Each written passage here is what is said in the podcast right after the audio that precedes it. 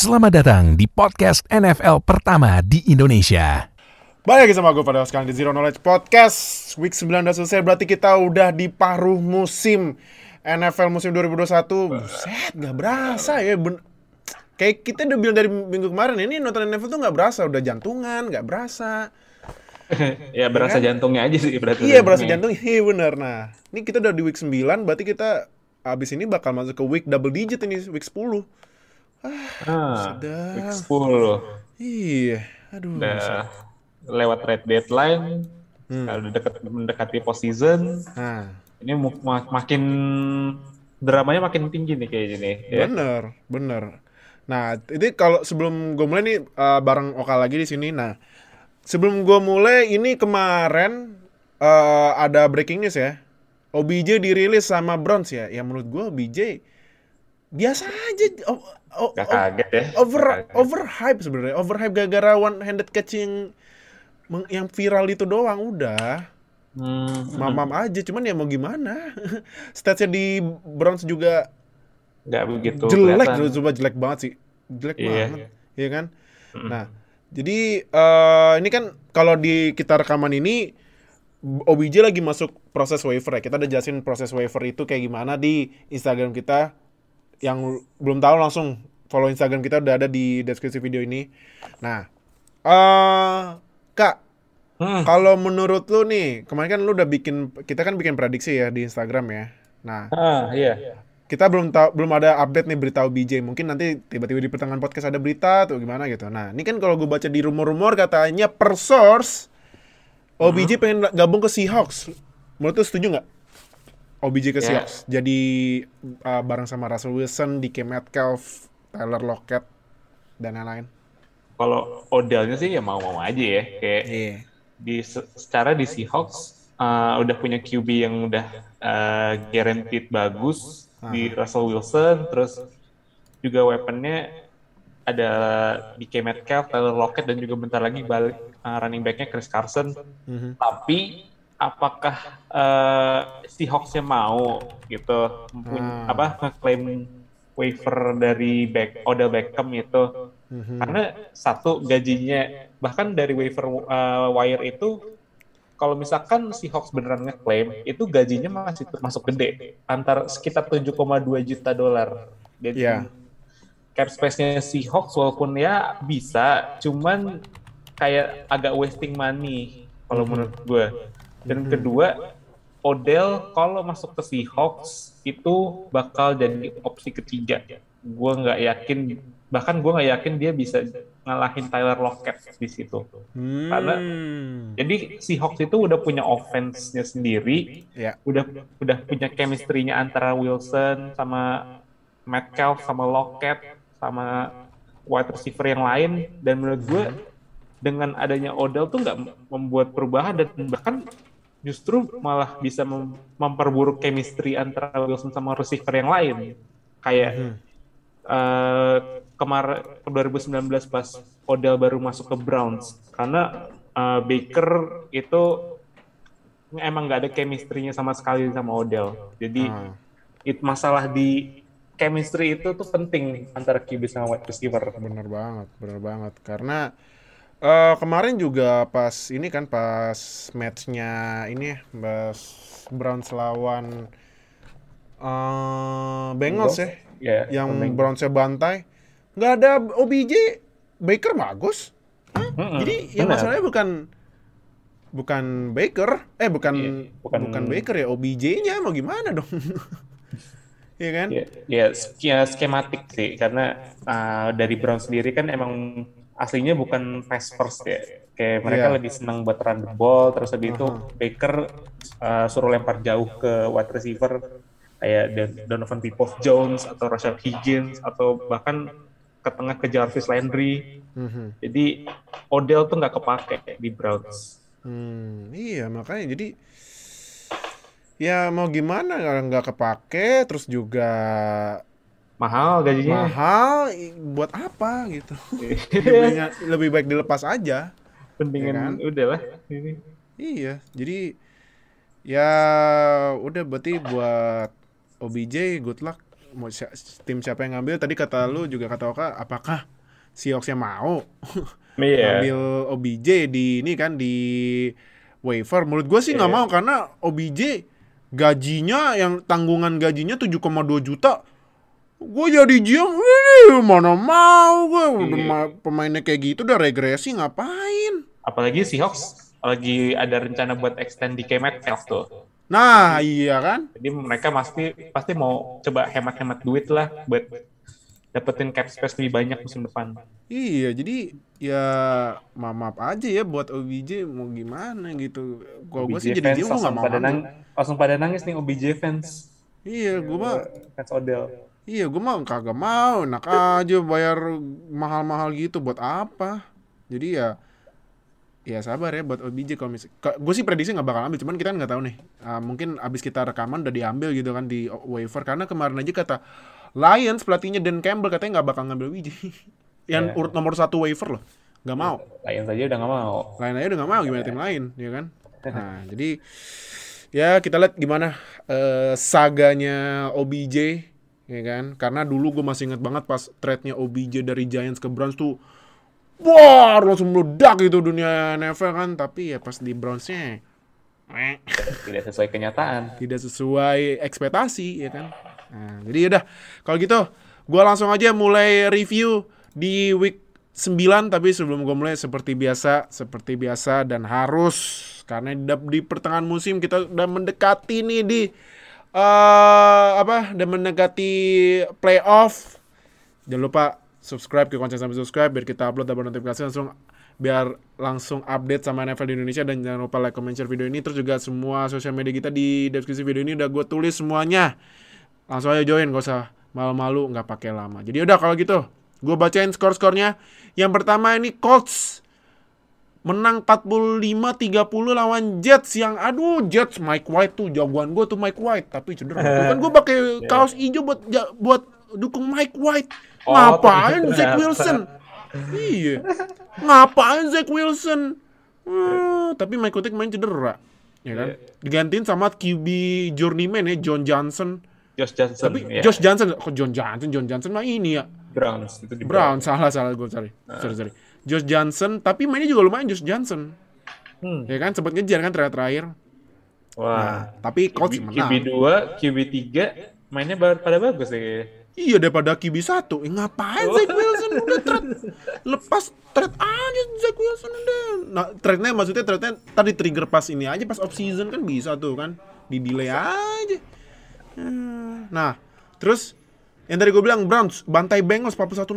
Gila ya padahal ini passing yards-nya paling banyak Burrow loh tapi emang Nick Chubb kemarin gila Ya. sih Nick Chubb Salah satu running back terbaik sih kalau dia healthy.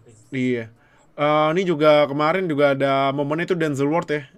99 yards pick six.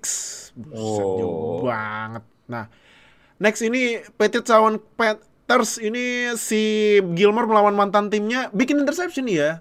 Tapi ya abis itu Ya. CB satunya Patriots sekarang JC Jackson bikin pick six. Dan Darnold, aduh Darnold. Dan, Dan dan ini ada, juga- dan ada apa sih sama ngelawan Patriots? Iya gila Darnold. Darnold lawan Patriots kalau nggak salah itu 11 interception loh. Aduh. Gila ya. Udah gitu juga ada momen di sideline itu Robbie Anderson marah-marah ke Darnold. Wah, ini udah ada drama ini di Panthers ini. Saya suka ini ya. Iya. Nah, terus Ravens lawan Vikings. Yang menang Ravens di detik-detik terakhir overtime lagi-lagi Lamar Jackson yang pas di quarter 4 udah ketinggalan 2 skor masih bisa comeback nih orang ya. Ya, mantap lah ini. Kapten comeback nih emang nih. Si Udah, udah berapa kali comeback ya berarti musim ini? Buset, ya? das. Lawan Colts gue masih inget, ya kan? Iya. Terus lawan Lion, eh lawan Lions kayaknya nggak comeback. Eh bukan Lions. Apa sih yang yang Lions. gua- yang ini yang mecahin rekornya uh, Tucker lawan siapa sih? Lupa gua. Eh, si Lions apa? Siapa ya? Iya kayaknya Lions deh. Iya, Lions ya, Lions ya. Iya, Lions. Li- iya. Bola kayak sih Lions nggak nggak comeback juga sih.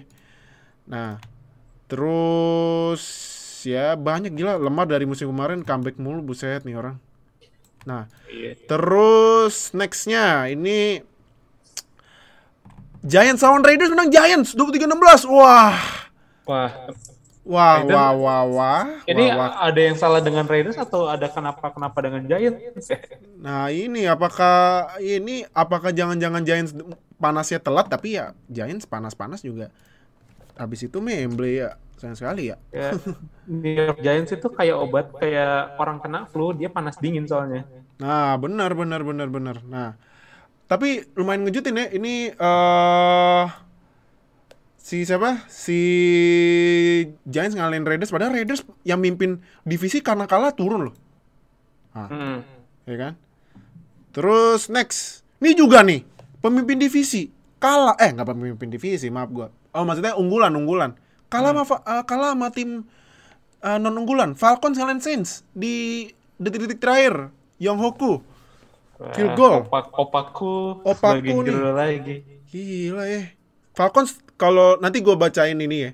eh, playoff picture, tapi gua, gua kasih teaser dikit.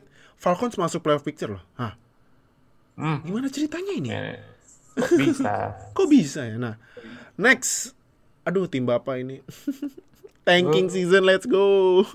Season. Lawan Dolphins kalah. Eh, Texans kalah 17. Itu adalah salah satu game yang di mana gue sebenarnya pede bisa menang sebenarnya.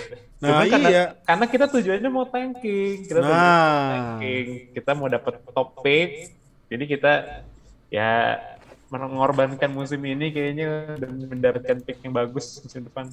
Iya. Nah, eh, ini juga sebenarnya Tua Tango Valoa Duh, gue ngomongnya belopotan. Tua Tango Valoa nggak main loh. Mm. Tapi masih kalah ya. Aduh, Tyrod si lamar Walmart version lempar tiga interception lagi. Lamar Walmart version. Ih, makanya aduh, aduh, aduh, aduh, Texans. Berarti berarti ini ya, Texans udah pasti ngambil ini. Eh Kayvon Thibodeau buat gantiin ini, gantiin JJ. It's- Kalau bisa dapet ya gue why not ya? Why not ya? Why not? Oke oke oke. Next, eh ini nih, wah ini game yang wah ini game keren sih. Gue gue ceritain dulu ya. Jadi ini ada dua pemain. Yang satu namanya Josh Allen, yang satu lagi namanya Josh Allen. Nah, Josh Allen ini kemarin ngesek Josh Allen. Terus Josh Allen bikin interception, interception pertama dari lemparnya Josh Allen. Terus Josh Allen juga nge, nge- juga nge-recover fumble-nya dari pegangan eh, pegangannya Josh Allen. Berarti kesimpulannya Josh Allen lebih bagus daripada Josh Allen. Anjir. Pusing ya? Wah, gila. Gue juga baca musiknya aduh Josh Allen, Josh Allen, Josh Allen, Josh Allen nih. Dan Jaguars ngalahin Bills. What? Ini week 9 kenapa sih? Ada apa nih sama dunia NFL ya? Gimana caranya Jacksonville bisa nahan Bills cuma 6 poin ya? Ih, makanya loh. Tapi emang karena Oh, Josh karena eh. Josh Allen. Skornya berapa dia? Skornya berapa dia? Skornya Bills 6, Jaguars 9. Wah, ini nice ini skornya ya. Iya, noise sekali. Noise sekali, ini noise sekali nih skornya ya. Pantesan. Noise sekali ya. Jadi ya intinya Josh Josh Allen sebenarnya ya ya Josh Allen itu bukan Josh Allen satu lagi. Anjir kok pusing. Dan, Josh Allen, dan Josh Allen. sedikit fakta kan juga Josh Allen ini masing-masing juga di pick seven overall ya. ya. Iya. Seven overall dari tahun beruntun. Iya, Josh makanya. Bills di pick ketujuh tahun 2018, sedangkan Jacksonville-nya uh, Josh Allen, Josh Allen 2019. 2019 pick Wah. seven juga. Gila, mind blown buset. Itu pertama kali dalam sejarah NFL. Pemain yang eh, namanya sama defense ngesek pemain QB yang namanya Iya. sama juga Udah, gila. udah nge-sack, interception, Fumble recovery. fumble recovery lagi. Gila emang. Josh Allen, Josh Allen. gitu. Josh Allen yang asli berarti itu ya Josh Allen ya udah. Pikirin aja Josh Allen yang mana yang asli. Pusing gua. Next, ini eh nah ini lagi-lagi loh. Cowboys nih eh, lagi-lagi leader divisi kalah loh. Cowboys kalahan Broncos 36 ini bener-bener ya Dak Prescott kemarin mainnya bau banget sih. Parah Iya. bau banget banget banget banget banget. Nah terus Chargers on Eagles menang Chargers 27-24 ini pertandingannya lumayan seru gue nonton uh, sampai menit-menit terakhir. Karena ya kemarin itu mulai week 9 udah ini ya daylight saving times-nya udah daylight saving time-nya udah selesai. Jadi ya kita maju sejam. Nah, sempat nonton Chargers lawan Eagles nih lumayan seru sampai detik-detik terakhir tapi Chargers menang di field goal ya. Terus Cardinals, nah Cardinals tanpa Kyler Murray, tanpa DeAndre Hopkins masih juga menang. Hmm, gila ya.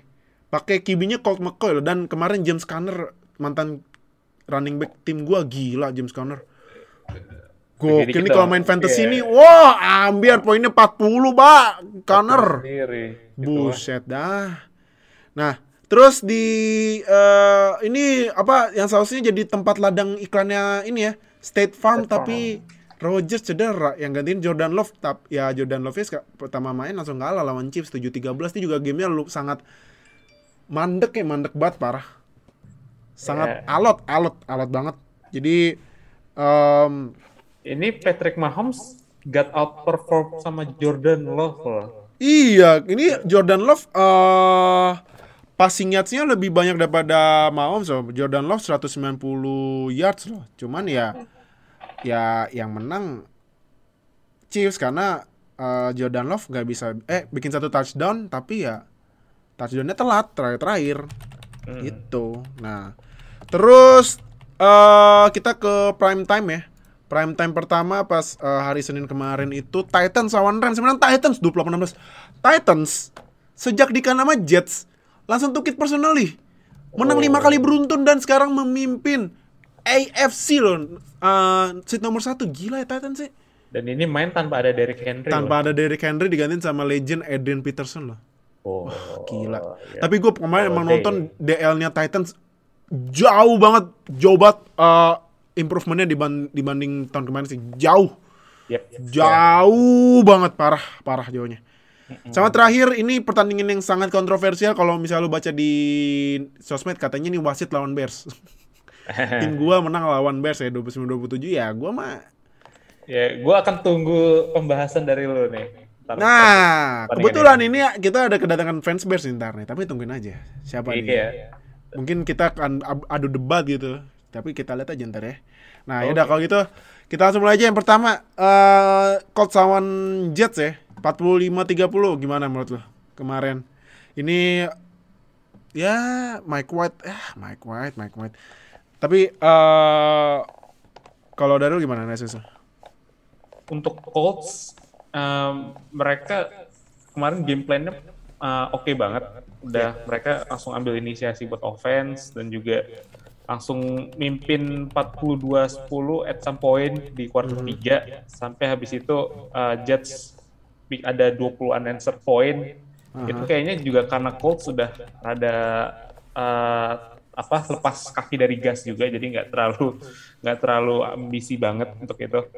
But kemarin uh, biggest story dari Colts itu adalah running game-nya itu benar-benar jalan. Iya Satu orang yang paling dapat kredit di sini adalah Jonathan Taylor. Jonathan Taylor uh gila Jonathan Taylor menurut gua ya kalau menurut gua ya Hmm. Jonathan Taylor itu adalah running back terbaik NFL saat ini. Kalau menurut eh menurut lu setuju nggak? Se- setelah dari Henry cedera ya. Setelah Derrick Henry cedera, bisa kita uh, masukin ke dalam conversation untuk Jonathan Ah. Taylor. Oke oke. Ya, walaupun sebenarnya juga karena Jets uh, running defense-nya juga uh, emang cukup buruk ya, termasuk buruk. Bahkan uh, total rushing yards uh, di pertandingan kemarin itu in, uh, Colts sendiri ada 260 yards dan 3 touchdown. Aha. Itu belum sama pass uh, pass catching-nya dari running back-nya mereka. Uh, Jonathan Taylor ada 2 catch dari 28 yards dan juga 4 catch dari Nyheim Hines 34 yards. Dan ya karena running game-nya jalan jadi Carson Wentz nggak perlu ter- berbuat terlalu banyak ya walaupun dia kemarin bagus juga 272 yards, 3 touchdown, passer rating 134 which is uh, vintage Carson Wentz number. Jadi offensif itu kemarin on point banget dari Colts. On point. Hmm. Oke oke oke. On point banget ya. Mm-mm. Oke. Jets. Tapi Eh. Jets kemarin sebenarnya lumayan loh. El- Ya. Elijah Moore rookie wide receiver-nya bikin dua touchdown. Iya. Hmm. Tapi gimana kalau menurut Jets? uh, sebenarnya statsnya juga terbantu juga sama ini sih ya. Uh, mau kita sugar sugar coating kayak gimana pun, mau bilang Mike White it's a QB of the future, ya yeah. it's all up to you lah. Terus Josh Johnson kemarin mainnya tiga touchdown one interception, tapi itu kan karena kebanyakan mereka main di garbage time ya, main di garbage time. Uh, mereka udah ketinggalan 32 poin dan ya dengan Colts yang rada lepas kaki dari gas kayak gue bilang tadi jadi mereka bisa leluasa lah untuk padding the stats nambah-nambah uh, pundi-pundi stats mereka dan but overall ya at least ada effortnya lah dari Jets untuk coba ngejar ketertinggalan itu jadi ya itu aja satu-satunya kredit yang gue kasih buat mereka. Hmm oke oke oke oke. Okay. Uh, kita langsung next aja ya. Next game kita ke ini. Next game ini yang ditayangin di Mola adalah sebentar sebentar ya sebentar. Maaf maaf maaf sebentar. Oh ini ini ini, ini dia. Gue nemu oke okay. uh, eh, next match ini Panthers. Nah ini Panthers lawan Patriots yang menang. Patriots 24-6 kalau lihat dari stats ini Mac Jones eh enggak sebenarnya Mac Jones juga enggak enggak sebanyak ini ya enggak sebanyak Darnold ya. Cuman ya Darnold tiga interception. Gue Darnold ntar ya karena dia kalah ya. Hmm. dari Patriot sendiri deh. Ah uh, gimana tuh? Ini juga ya kemarin Jesse Jackson pick six sama dua inter apa jadi total dua interception ya. Hmm. tapi overall gimana buat Patriots kemarin emang game plan mereka uh, New England Patriots adalah paling utama untuk mencoba run the ball ya karena mm -hmm. mereka total ada 39 kali running ball terus itu ada 151 rushing yard satu touchdown dan uh, tiga running back mereka dari David Harris, Ramondre Stevenson sama Brandon Bolden itu masing-masing dapat lebih dari 8 carry atau lebih dan itu uh, kayak al emang game plan ala Belichick banget. Coba kontrol the game dengan running the ball terus habis itu lempar kalau diperluin aja. Yeah. dan Mac Jones itu quarterback yang menurut gue paling pas untuk skema kayak gitu. Kayak dia nggak bikin terlalu banyak kesalahan dia ya ya kesalahan adalah satu kali dua kali tapi overall dia um, hampir mistake free ada satu touchdown kemarin dan ya offense-nya walaupun cuma 24 poin tapi ya bisa control the game dan yang paling penting mereka menang. Itu dia. Hmm. Oke. Okay. Nah, Panthers aduh download lihat hantu lagi ya. Ya, kayaknya emang musuh terbesarnya adalah Patriots memang sih. Iya, makanya aduh, tapi uh, Panthers nih apa yang Kenapa ya Panthers ya? Menurut Uh, apa yang salah gitu sama Panthers? Yang salah ya. Karena pas tiga pertandingan pertama kan kita udah sempat bilang mereka cuma ngelawan Jets, uh -huh. lawan Texans, lawan Saints yang beruntung mereka juga rada beruntung juga karena bisa bikin Winston banyak error di pertandingan itu. Iya. Tapi setelahnya mereka uh, kalah lima kali dari enam pertandingan yang which is itu jauh dari ideal lah karena mereka sebenarnya kan udah punya squad yang bisa lah bisa bikin kejutan-kejutan di postseason gitu. Tapi dengan situasi sekarang mereka situasi sekarang mereka 45 rekornya. Darnold juga udah mulai kambuh lagi hmm. isunya di Jets. Uh, ya susah sih uh, dengan kondisi sekarang di mana di divisi NFC South itu juga masih ada Buccaneers, masih ada Fal bahkan Falcons, Saints itu iya itu masih dalam kondisi stabil kalau mereka. Iya. Tapi Panthers lagi mengecewakan banget walaupun mereka baru aja kedatangan lagi CMC balik lagi dari cedera. Iya, CMC banyak. Hmm. Tapi kemarin dia ya nggak terlalu banyak berdampak signifikan buat di, buat Panthers juga di pertandingan lawan Patriots. So mungkin ini udah mulai salah satu alarm aja buat Panthers buat coba hati-hati lagi karena pertandingan pertandingan selanjutnya ini kayaknya bakal berat buat Panthers. Hmm. Oke oke oke. Eh next ya. Yep. Kita ke ini uh, Ravens lawan Vikings. Vikings. Vikings, Vikings. Udah lima kali nggak salah kalahnya tipis mulu. Tapi Ravensnya sendiri deh. Ini kan kalau lihat dari skornya ya. Ravens lawan Vikings ini sebenarnya kan Vikings mimpin ya dari Iya nih, nih. First half aja Vikings sudah mimpin 17-10, ya kan? Iya. Yeah. Terus 17-31. Nah, 31 ini kan terus uh, fourth quarter Vikings mimpin 24 oh di sorry di third quarter mimpin 24-10 ya kan? Yep. Tiba-tiba Vikings ngejar dan untungnya di detik-detik terakhir bikin touchdown samain skor tapi kalah. Ah. Cuman gue mau ke Ravens dulu. Ravens ini Lemar Lemar rasanya 120 yards loh. Leb, ya passingnya lebih banyak lebih, eh, passing yardsnya lebih banyak dari quarterback Vikings dan rushing yardsnya lebih banyak dari running back Vikings. Dalvin Cook loh, Dalvin Cook aja kalah loh ya. Dalvin Cook saja kalah. Ah. Tapi kalau dari lu Uh, Ravens gimana kemarin? Ravens, gue cuma bisa bilang satu hal untuk Ravens adalah mereka harus extend kontrak dari Lamar Jackson. Mm-hmm. Itu dia karena kemarin kalau la, bukan Lamar QB-nya itu pertandingan udah lama banget berakhir udah. Iya. Uh, udah hampir jijik lah ya istilahnya. Karena 24-10 kemarin Vikings juga kar karena Lamar yang bisa uh, lari dari, keluar dari pocket dan bikin play sendiri, itu yang bikin kerepotan dari Vikings. Mm-hmm. Jadi emang ya Lamar ini emang sosok yang nggak tergantikan sih buat Ravens. Terutama dia bisa nge-carry Ravens beberapa pertandingan terakhir juga dia bikin comeback. Ya all credit hampir semuanya bisa ke Lamar untuk ini. 266 rushing yard, eh passing yards, 120 rushing yards, 3 touchdown juga. Mm-hmm. Jadi extend his contract. Nah, tuh. Extend his contract. Nah, ini kan udah ngomongin kontrak ya? Ya.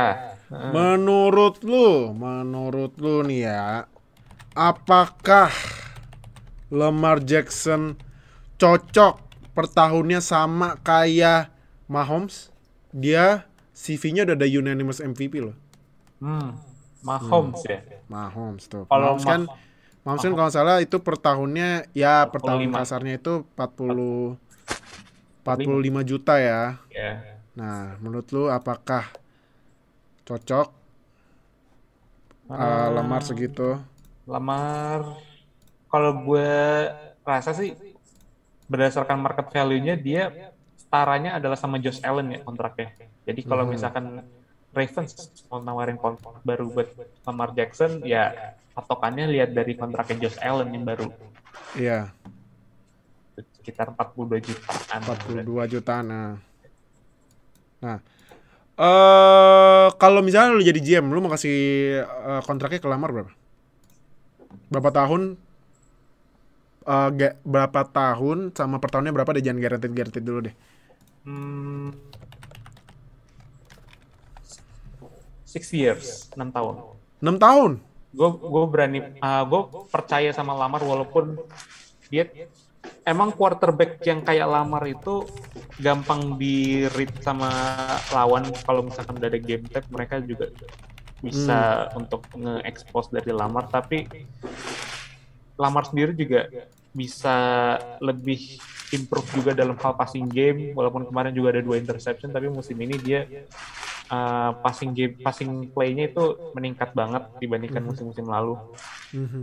dan dengan kemampuan running game uh, rushingnya dia itu ya itu juga salah satu plus buat quarterback dari Ravens mm. dan Ravens pasti juga pengen punya sosok kayak Lamar sebagai leader, sebagai icon dan kayaknya bisa dijual merchandise merchandise nih kayak Michael Vick dulu nih ya. Oh iya iya iya iya. Iya, penjual lah, marketingnya ada lah. Marketing Hmm. Oke oke. Oke. Nah, eh, Vikings. Vikings sih kalau gue perhatiin nih, kok kayaknya Justin Jefferson Nggak, bentar, gue cek dulu Justin Jefferson ini statsnya 69 yards satu touchdown oke. Nice lah. Eh Adam Thielen di- dikit banget ya.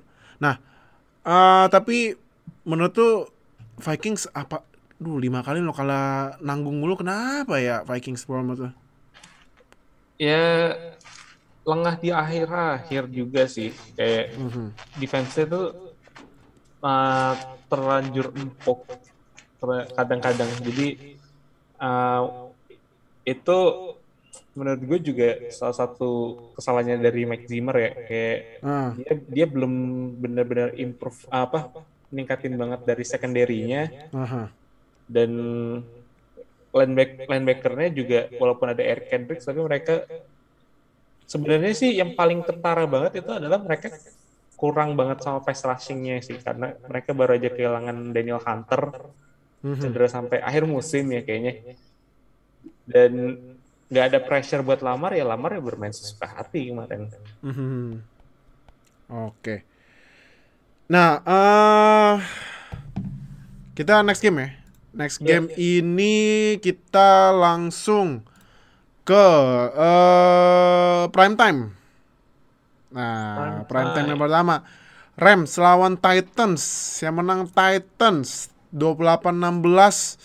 Ini awal-awal Stafford Lions-nya keluar ya.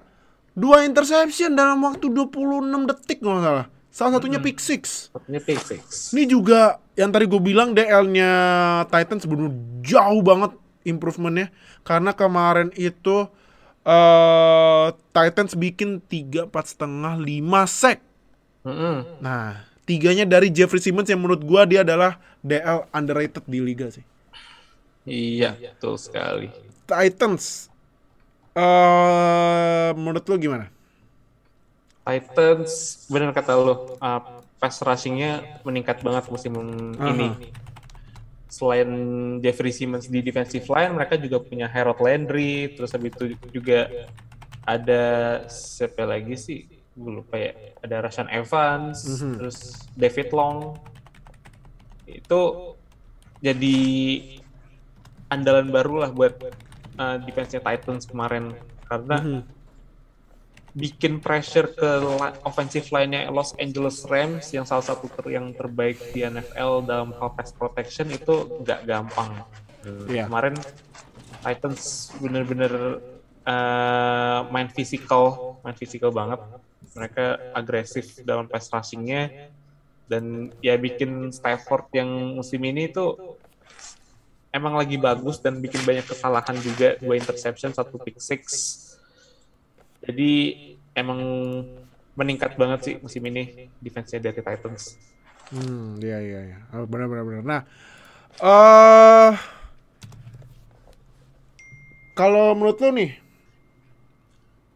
DL-nya Titans karena kemarin benar-benar ngabisin Stafford menurut gua. Apakah DL Titans salah satu yang terbaik di liga? Terbaik di liga. Belum masuk ke top 5 kayaknya sih ya. Belum masuk ke top 5 ada gue mikir kayak masih ada yang lebih bagus dari Titans. Tapi kemarin itu mereka silence to doctor karena banyak banget yang meragukan defense Titans. Dan banyak juga yang bilang kalau Titans gak bisa apa-apa tanpa Derrick Henry. Dan kemarin Iya. ya walaupun uh, Adrian Peterson terus Jeremy McNichols itu dapat kesempatan. Tapi uh, ya Titans bisa manfaatin apa yang mereka punya ya. Dan mereka termasuk tim yang oportunis juga. Jadi nggak banyak main-main yang flashy tapi mereka main physical terutama di pass rushing-nya kemarin. Defensive back-nya juga uh, sering main man to man dan itu yang bikin mereka bisa ngalahin Rams kemarin. Hmm, iya iya benar-benar. Nah, Eh, Rams.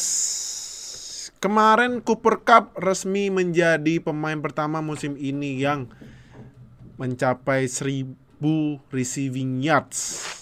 Cuman apa yang salah sama Rams? Kemarin sih Rams ya ya sebenarnya sih sacknya juga lumayan baik ya, bikin 3 sack cuman apa yang salah nih sama Rams? Apa yang karena dua interception itu ya bikin eh, momentumnya jatuh apa gimana? Mata.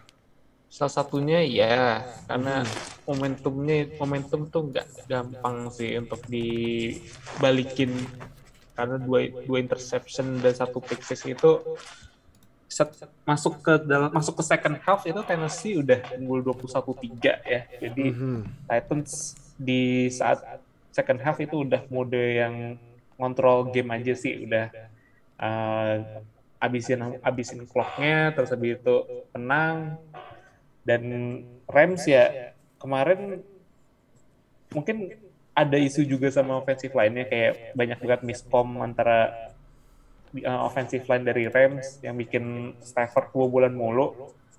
Jadi eh tapi kayaknya bukan sesuatu yang bakal keterusan sih karena Rams ini too good to be that bad gitu loh Mhm. jadi jadi emang aslinya nggak kayak gini tapi ya patut waspada aja karena setelah eh, ini mereka kan bakal lawan divisi rivalnya ya, di San Francisco di Iya. 49ers Mhm. jadi harus diperbaikin lagi nih isunya untuk offensive line dari mereka. Hmm, oke oke oke oke. Oke. Nah, itu eh, ini ya, itu empat game tuh dua tiga empat yang kita udah eh, review. Nah, jadi next game nih ini eh, fans Bears mau ngamuk-ngamuk nih pastinya ya atau gimana gitu atau mungkin ngetrik ngekritik eh wasit. Nah, jadi kita eh, ini ya kita panggil fans Bearsnya jadi kita skip dulu sebentar ya.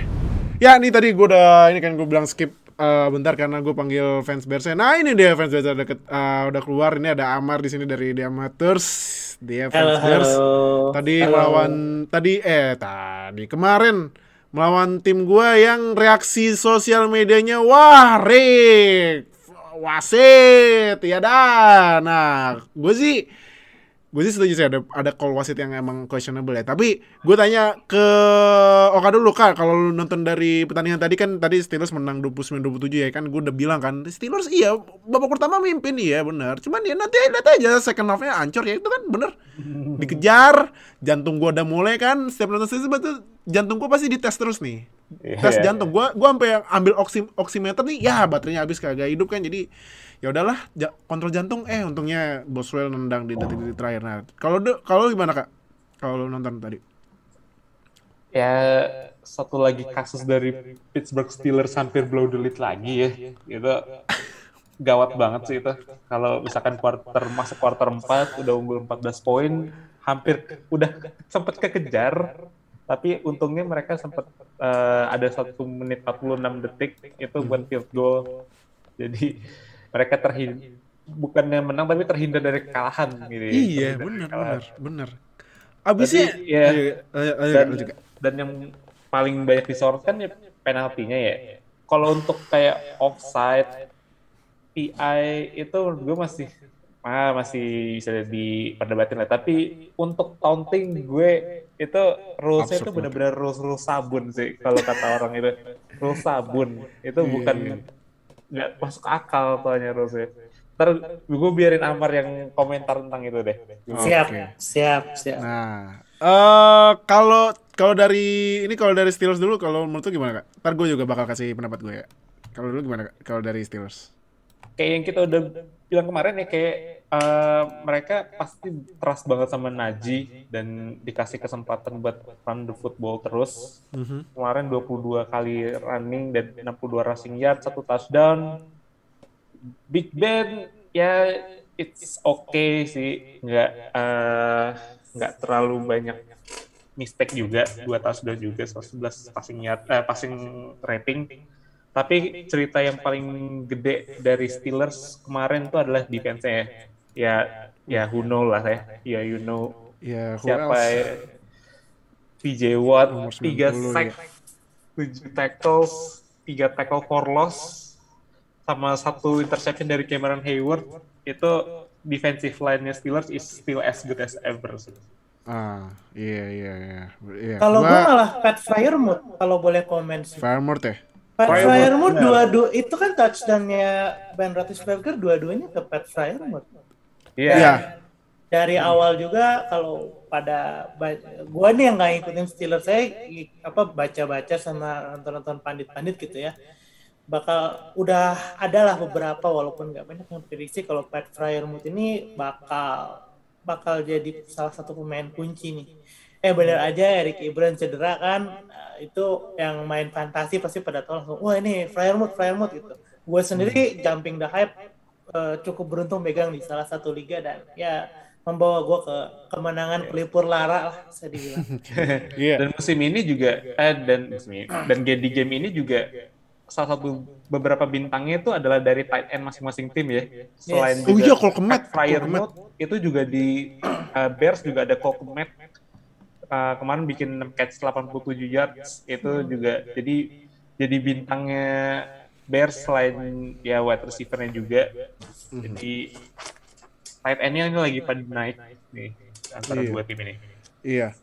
Eh kalau Bears sendiri gimana menurut lo kak? Selain ini ya, selain penalti yang mungkin nanti Amar bakal jelasin kenapa penalti banyak banget. Nah, Iya. tapi kalau dari lu gimana kak? mereka dapat eh, ke- dengan kembalinya David Montgomery juga ngasih opsi weapon lagi buat Justin Fields eh, dan juga Chicago Bears. Jadi mereka punya lebih banyak variasi untuk running back dan mereka juga udah mulai dapat cara untuk nge-utilize dari Darnell Mooney. Dia juga bisa nge-jet sweep juga. Kemarin eh, kemarin juga satu rushing touchdown, 15 rushing yards dari satu play itu. Allen Robinson mulai dapat ritmenya lagi nih, udah mulai dapat ritmenya lagi, walaupun masih belum sebagus musim lalu, tapi it's uh, it's getting there lah. It mulai mulai dapat lagi nih ritme-ritmenya kayak uh, sedikit-sedikit dari musim lalu. Tapi emang Justin Fields, Justin Fields kemarin uh, berjuang banget, berjuang banget dengan kayak gue ngeliatinnya dia kayak lari ke sana kemari, di sack tiga kali sama TJ Watt, sempat satu interception habis batting ball dari Cam Hayward, tapi dia bisa eh, bangkit lagi lah, bangkit lagi untuk eh, ngelolosin Bears dari kekalahan yang malu-maluin, tapi dia juga salah satu bintangnya deh dari pertandingan antara Steelers dan Bears kemarin. Satu Hmm. pass dan satu interception dan juga 45 rushing yards juga. Jadi mungkin bukan isunya bukan di Justin Fields, mungkin Isunya di siapa? gue akan biarin Amar untuk menceritain tentang itu sih. Deh. Oke. Nah, eh Mar, menurut lu Justin Fields kemarin yang gua udah gua, gua udah feel nih Fields pasti mimpin nih, pasti pasti bikin touchdown dan bener bikin touchdown gua aja sampai Steelers, Steelers penyakit lu keluar lagi ya, man. Nah, tapi kalau dari situ lu udah yakin dong Justin Fields bakal jadi the future QB1 of uh, Chicago. Oke. The Bears nah ya. Oke, so eh sebenarnya Justin Fields ini secara tren udah kelihatan dari week 8 pas dia lawan 49ers eh, yang kalah 22-33. He played really well, dapat 100 eh, rushing yards juga kan. Eh, yang salah satu rushing yards itu yang dia muter-muter itu itu magical Iya. sih. Kayaknya dibahas juga kan di sini kan eh, karena dia tayangin di Mola TV. Iya. Nah, eh, di game ini sendiri sih eh, jadi testamen juga untuk Justin Fields sebagai salah satu talenta yang bisa ngelempar bola jauh deep balls. Dia eh, lempar eh, enam lemparan 9 kali yang dapat itu semua eh, si, si 16 lemparan itu dia 10 yard ke atas gitu, 10 air yards. Dan salah satu yang paling fantastis itu yang operan ke Darnell Mooney tuh, oh, he- I think he's, he's running uh, an out route gitu yang dia lari ke arah keluar. Iya, yang sebelah kiri ya. Iya, iya, eh, iya. kiri apa kanan gue lupa. Co Corner bukan bukan post route ya. Corner corner dan itu itu gokil sih 75 yard dan itu kan jadi kelihatan uh, Justin Fields emang uh, selain uh, he's a mobile quarterback dia bisa uh, lari-lari menyelamatkan dirinya tapi secara lemparan dia juga bisa akurat. Jadi ya, going forward kalaupun mungkin bukan musim ini musim depan harusnya kalau ada perubahan uh, ini ya play calling dan uh, coaches ya mungkin ya Mhm. uh, pasti bisa lebih baik lagi dari musim ini bisa bersaing lah di uh, NFC North. Hmm, oke oke oke. Nah, gua mau nanya itu penalti taunting. Gua aja yang nonton taunting. gue aja heran. Kok kok bisa taunting ya? Nah, lu gimana Bar? Lu- Itu penalti Oke. Uh, T- tapi bentar gue gue gue Ah, oke. gue sebelum gue kan lihat videonya ya itu taunting itu ada tiga tiga gimana ya tiga mungkin tiga sudut pandang ya. yang pertama itu katanya Cassius Mars yang gue cek ternyata dia pernah main di Steelers juga tuh kan Betul. Cassius Mars betul. dia katanya teriak ke sideline Steelers tapi gue lihat sih dia nggak teriak Kedua katanya Cassius Mars teriak ke Panther tapi jelas-jelas nggak teriak ke Panther karena Panther juga nggak nengok kan. Ya kan? Iya. Itu juga Cassius Mars juga nggak nengok ke Panther. Ketiga ini yang menurut gua lumayan gak masuk akal sih karena kok dikasihnya taunting. Katanya ini dia nyenggol wasit tapi wasitnya gue liat gini. Nah, Iya kan? Hmm, Iya, iya, iya. Lu gimana Mar yang taunt, that taunting penalty tuh? Oke, gue mau coba melihat eh, penaltinya Bears ini secara holistik ya karena sebenarnya ini penyebab utamanya Bears kalah lawan Steelers gitu. I mean the Steelers played well tapi kalau nggak ada penalti-penalti ini gue yakin 100% menang sih Iya. Bears. Pasti menang.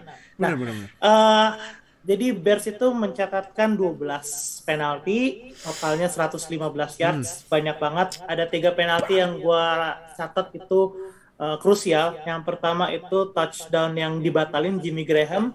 Kedua itu Jalen Johnson yang dia DPI ke Deontay Johnson di akhir-akhir. Sama yang tadi itu Cassius Marsh. Cassius Marsh. Jadi Cassius Mars. Eh, agak-agak aneh sih emang eh, kalau lihat dari beberapa sudut pandang eh, kan sebenarnya eh, tuduhannya ya kita tanda kutip tuduhannya adalah eh, Cassius Marsh ini taunting ke tim Steelers antara ke Panther atau ke bench Steelers gitu. Kelihatan emang dia eh, pas jalan balik ke arah eh, sideline dia kelihatan kayak lagi nengok. Tapi kan di situ eh, dari sudut pandang penonton yang nonton dari eh, I don't know dari Mola dari Game Pass apa dari mana pun itu nggak kelihatan dari komentator pun nggak kelihatan. Jadi kayak kita nggak tahu sebenarnya mereka ngomongin apa si Cassius Spurs itu ngomongin apa nggak ada yang tahu. And- but then uh, the flag is out there tiba-tiba dipanggil buat taunting. Itu aneh banget. Dan kalau misalnya nggak jadi taunting itu I think the game is pretty much done. Gitu. Iya. jadi kalau sekarang sih gue sih marah-marahnya udah tadi ya gitu. Kalau sekarang eh, sehari udah lewat eh, lebih lebih tenang gitu jadi ya kalau udah kayak gini mah ya udahlah Karena gini loh, Jadi- jujur ya, kalau menurut gua Steelers ini offense nih kalau cek di stats ya. Steelers ini total net pass yards-nya 175. Ya ampun Big Ben, Big Ben. Huh, huh. Gemes gue liatnya Big Ben mah. Nih eh Big Ben aja 205 passing yards. Nah, terus juga total offensive yards-nya itu ya 200-an 200 eh, 200-an. Nah, ya menurut gua Steelers majunya ya karena penaltinya Bears. 12 penalti terus juga ada yang penalti krusialnya tuh yang Robert Quinn dia offside. Eh, offside apa? ya Offside. Iya, Neutral offside. zone ya? Eh, sama Offside. sih itu kan offset ya. Ini ini, ini Offside itu offset. yang yang eh, di akhir-akhir kan tuh kepang eh, Iya. dia maju Iya. Nah, itu menurut gua krusial sih penaltinya. Jadi gua objektif ya. Steelers kalau menurut gua main bagus ya main bagusnya first half. Second half-nya ya ya ampun gua aja nonton udah nih ya nih kalau gua perhatiin ya. Steelers ini kalau third down pasti ngasih bola ke Najee lari ke tengah terus lari ke tengah terus nggak ke kanan nggak ke kiri jadinya nggak nembus ya udah jadi ya jelek mandek. Nah cuman karena Bearsnya penalti jadi ya ketarik terus. Ya dapat free free first down free first down mulu. Jadi ya ya aduh nih menurut gua sih ya kalau nih misalnya next week Steelers gua nggak mau ngeremen Lions ya. Ya kan lawannya Lions ya kan it's the Lions oke. Tapi kalau misalnya offense kayak gini ya bisa aja kalah lawan Lions bisa aja dikasih kasih apa pecah telur pertama buat Lions gitu. Jadi aduh gua kalau kalau offense Steelers nggak bangun masih di, defense-nya masih nge-carry aduh bahaya deh kalau dari lu kak terakhir buat menutup podcast ini gimana buat Iya. eh, dari lo deh yang taunting penaltinya itu deh karena emang taunting penaltinya ini yang sangat-sangat kontroversial sih Karena taunting penalti ini juga aturannya nggak begitu jelas ya, nggak Iya. begitu clear uh, di apa yang dideskripsikan sama NFL sebagai taunting. Karena uh, apakah dengan melihat ke sideline itu bisa disebut taunting, ataukah dengan kayak trash talking bisa, disebut taunting, ataukah Aha. kayak uh, cuman mm, apa stare down antara pemain lawan itu juga dibilang taunting, itu masih nggak jelas. Dan Iya. itu just, itulah yang bikin uh, ref, uh, referee di NFL musim ini tuh sering kebingungan uh, apa yang mereka bisa kategoriin sebagai taunting dan itu kebukti banget sih di pertandingan kemarin lawan antara Steelers sama Bears itu gimana sih mereka bing- sebingung apa sih mereka dengan peraturan taunting ini? iya Penentuan itu lewat sentimen, Kak. nanti Nggak, pa- Iya. nggak pakai logika atau by the rule. Bu. Kalau masih tahun pertama mah karena Mas ini juga baru season pertama kan diimplementasikan taunting gitu. Jadi ya gua rasa Iya. eh, untuk judgementnya lebih ke kayak eh, sentimen ya. Sama eh, this reminds me of eh, implementasi VAR di bola yang belum lama la- yang belum lama ini eh, ada kan gitu. Di awal-awal juga banyak eh, call-call yang salah gitu. Jadi ya kayaknya untuk berapa musim ke depan satu dua musim ke depan kita harus adjust juga nih ngelihat peraturan taunting kayak gini. Siap-siap aja sih Iya, karena ya mau gimana ya mau fans bilang ah taunting terus sampai. Gue juga bilang taunting terus sampai cuman mau peraturan itu peraturan mau gimana? Susah. Mau diprotes susah. Nah apalagi kan ini gue kemarin kan sempat sempat baca berita ya katanya tuh NFL itu sekarang udah mengimplementasikan referee assistant apa gitu. Jadi setiap ada call yang mungkin harus di review ntar ada di wasit NFL ada kayak headset gitu nanti langsung connect ke New York itu Iya. langsung ngasih tahu itu itu uh, itu catch atau apa enggak gitu. Jadi bi- biar mempercepat permainan. Makanya gue sekarang jujur ya gue musim ini gue ngerasa kok kayaknya sekarang ini musim ini macam NFL agak-agak lebih cepet gitu mainnya agak ya lebih cepat 10-15 persen nggak berasa. Cuman kalau lu nontonnya udah lama pasti ngerasain musim ini lebih cepet gitu. Nah tapi ya buat taunting ini gue nggak paham sih gimana kom- komunikasi jadi emang ya sangat-sangat kontroversial sih buat NFL ini ya cuman kalau menurut kita dibilang eh, peraturan taunting harus dihilangin atau apa ya kalau oh, apa kalau komitenya bilang nggak mau tetap ada ya tetap ada nggak bisa Dan bisa dihilangin. peraturan taunting itu juga salah satunya dari vote dari pelatih ya. Pelatih, Iya. Itu pelatihnya owner, Jai, eh ownernya Jai. owner owner kan? owner Giants. owner tapi Owner pelatih juga dukung dari keluarga Mara itu juga Iya. salah satunya punya vote dalam menentukan taunting itu. Iya makanya ya, Giants udah lagian gitu ya Giants ditonting mulu udah bikin dah biar tim gua nggak kena ini nggak kena ceng-cengan. Jadi eh itu ya buat review week 9. Nah, sekarang gua bakal nah sekarang udah week 9 gua bakal membacakan eh ini eh gambaran playoff. Nah, karena udah mulai week eh, udah pertengahan ini ya, pertengahan musim. Gue bakal bacain dari AFC nih. AFC ini seat nomor satu Titans. Gokil. Emang Titans sih. Yang tadi gue bilang sejak dikalahin Jets langsung tukit personally 5 kali menang beruntun buset. Terus seat kedua Ravens. Seat ketiga Chargers, seat keempat Bills, seat kelima Raiders, seat keenam Steelers, dan seat ketujuh Patriots. Oh. Nah. Patriots sneaky, sneaky. Nah ini Patriots sih ya. ya. Nah itu tuh. Seharusnya sih Bengals cuman Bengals langsung jeblok, kalah langsung turun dari peringkat nomor langsung ke- keempat di AFC North. Kalah dua kali beruntun. Iya Iya, kayak dua kali kalah dua beruntun. kali beruntun dan mere- mereka gagal capitalize pas lawan uh, Jets sih. Nah bener. sayang sekali aja sih. Padahal Iya. kalau misalnya bisa menang, situasi bisa berubah, moral juga pasti bisa lebih baik ya.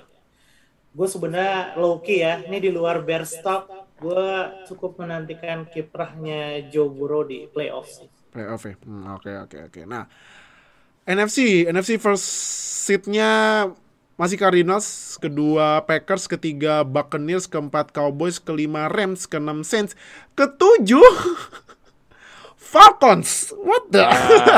Ini, ini lebih mengejutkan lagi. ini Falcons. ini lebih sneaky lagi nih Falcons. Tapi kalau gua cek emang Falcons di ini ya di standingsnya dia itu Falcons di NFC Falcons ya menang sekali sih baru menang sekali cuman ya sisanya tim lain Vi- di NFC North peringkat 2 nya Vikings 35 terus di NFC East Ya, ya jangan ditanya NFC East mah. NFC East, kayak ya, kayak meme-nya Kabi ya. NFC East. kecuali Cowboys ya Cowboys beda nah tuh ya lu tau lah jadi Falcons rekor 4 ya masuk ini. Masuk playoff picture. Kocak banget emang Falcons jadi udah itu uh, review week 9 jangan lupa next week uh, review week 10 dan karena daily savings time udah selesai jadi semua waktu udah wa- maju sejam. Beda 12 jam sama USA jadi adaptasilah sama waktu baru. Yang biasa nonton jam 7 sekarang nonton jam 8 yang awal match mulai nonton jam 12 kan jadi nontonnya jam 1 jadi thank you Oka yang udah join. Thank you juga Amar Terima yang udah komentarin. Bears udah join.